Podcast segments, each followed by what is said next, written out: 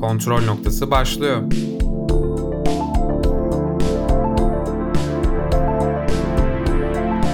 Hoş geldiniz.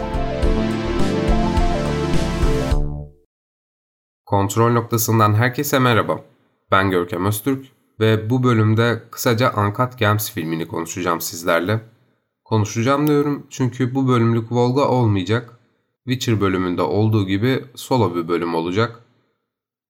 Kontrolpod.com'dan bizi dinleyebileceğiniz yerlere bakmayı unutmayın ve spoilers olarak konuşmaya başlayalım.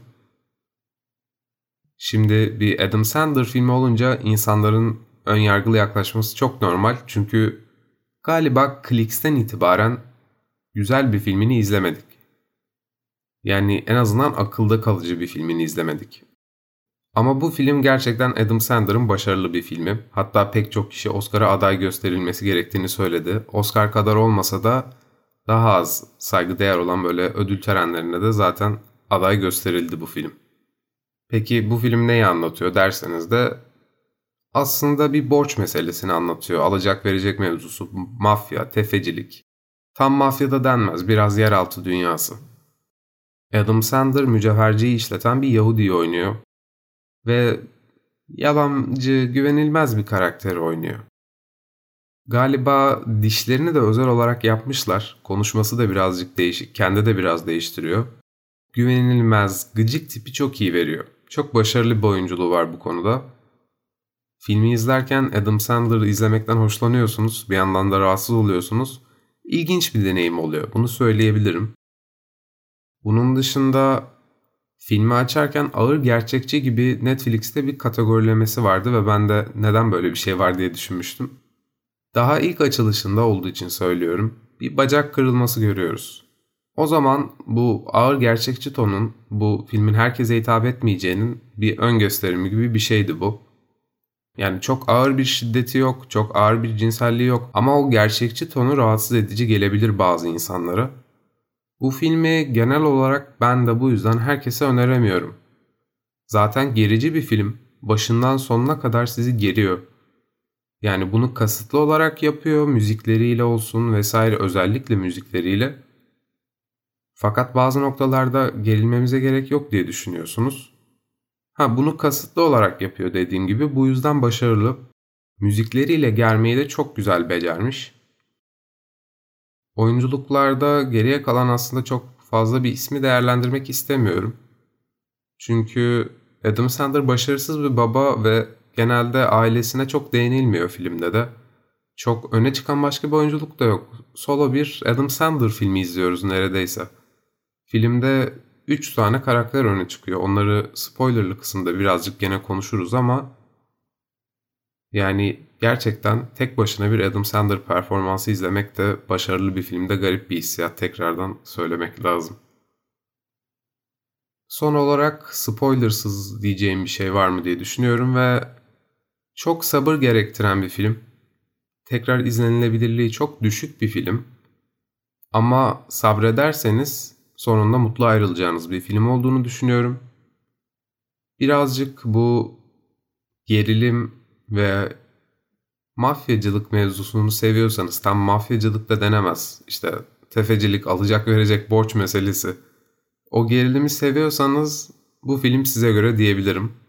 Ve bu noktadan itibaren spoilersız olarak konuşmaya başlıyorum.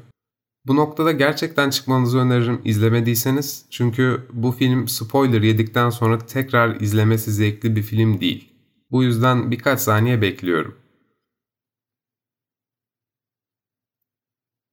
Filmde konuşulacak spoilersız yegane sahne sonu. O yüzden bu uyarıyı yaptım. Ve gerçekten filmin öyle bir kırılma noktası olmasını beklemiyordum. Adam Sandler'ın karakteri Howard para kazandıktan sonra sürekli o kaybeden yapısıyla bir beraber bahis oynadığında ben pek şaşırmadım. Ama o noktadan itibaren film hep bizi şunu düşündürtüyor.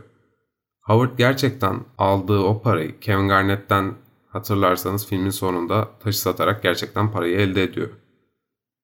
Ki bu arada bu da çok garip bir şey. Filmde Kevin Garnett ve bir tane rapçi vardı. Yani ünlü insanlar da oynuyor ki Kevin Garnett gerçekten iyi oynuyordu. Ben çok basketbol ve rap konusunda bilgili olmadığım için böyle şaşırmadım. Ama Amerika'da NBA izleyen bir insan olsaydım çok garip bir deneyim olurdu bunu tahmin edebiliyorum şimdiden. Yani o noktada bahsi oynadığında Howard şaşırmıyorsunuz. En azından ben pek şaşırmıyorum ama gerçekten bunu yapıyor mu diyoruz bir yandan da. Julia'ya parayı verdiğinden itibaren ise şöyle bir şey başlıyor. Acaba Julia paraları alıp kaçacak mı? Hayır, Julia paraları alıp kaçmıyor ve bahsi oynuyor. O zaman da diyoruz ki evet bu karakter kaybedecek. Hayır, bu karakter kaybetmiyor ve ilginç bir şekilde kazanıyor. Ve o noktada film gerçekten tek numarasını yapıyor. Yani son dakikaya kadar şunu düşünüyorsunuz film izlerken. Ya evet film güzel bir film de ben bunu niye izledim ki? Ama çat diye vurulması Howard'ın gerçekten hiç beklemediğim bir twistti. Howard gibi bir karakterin de hak ettiği bir twistti. Benim beğenmediğim şey ise şu oldu. Howard vurulduktan sonra film bize iki küçük daha twist yapmaya çalıştı. Ve buna hiç gerek yoktu. Şimdi birinci twist şuydu. Julia karakteri acaba öldü mü diye düşündük. Çünkü paraları ilk başta başkasının aldığını gördük. Bunun doğru olmadığını sonradan anladık. Ve Julia'nın aslında tahsilatı yapmadan limuzine binip parayı alıp kaçtığını gördük.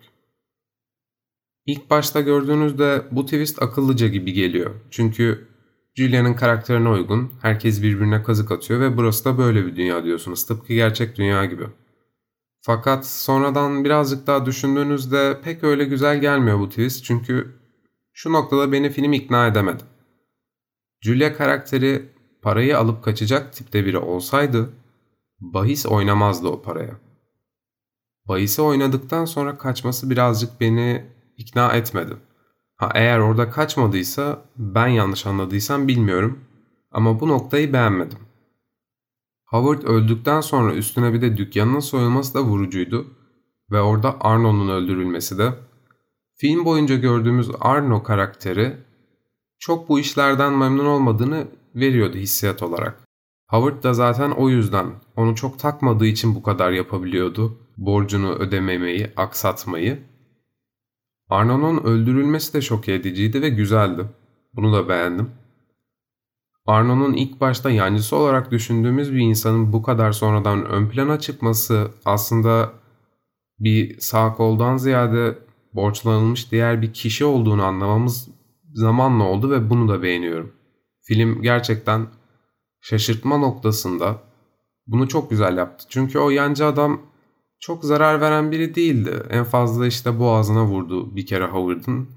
Fakat vuracağını düşünmüyorduk. Yani belki bir iki yumruk atar diyordum ben kapı açılınca ama kesinlikle Adam Sandler'ın öleceğini düşünmüyordum. Adam Sandler vurulduktan sonra ise kamera yavaşça o kurşun yarasından girdi ve yazılar öyle aktı. Bunu da filmin başında yapmıştı esasında. Çıkarılan elmasa doğru kamera zoom yaparak girmişti ve kolonoskopi falan olan Adam Sandler'ın vücudundan çıkmıştı. Sonunda da gene bir bütünlük olsun diye kurşun yarasından girdi. Volga bütünlüklü filmleri sever. Herhalde bu noktada memnun olmuştur diye düşünüyorum. Açıkçası bu filmle ilgili çok konuşacağım başka bir şey yok. Çünkü bu filmin tek bir numarası var ve bu tek numarasını da sizi baştan sona kadar gererek yapmaya çalışıyor. Gerilim hissiyatını çok arttırıyor ve hiç beklemediğiniz bir anda da patlatıyor. Filmlerde climax denilen bir mevzu vardır. En sonuna kadar insanları ger ve bir patlama noktası yaşatarak bütün heyecanı vesaire artık düşür bitir.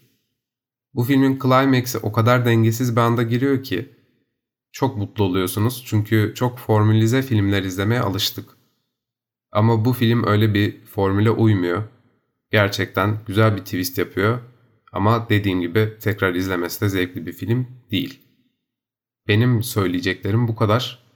Bir sonraki bölümün konusunu belirlemedik. Bunu Instagram sayfamızdaki biyografiden duyuracağız. Bu bölümki şarkı önerisi ise normalde Volgan'ındı ama o olmadığı için ben yapıyorum. Seater'dan The Gift şarkısı bu bölümki öneri. Bir sonraki bölümde görüşmek üzere. Hoşçakalın. Kontrol noktası sona erdi.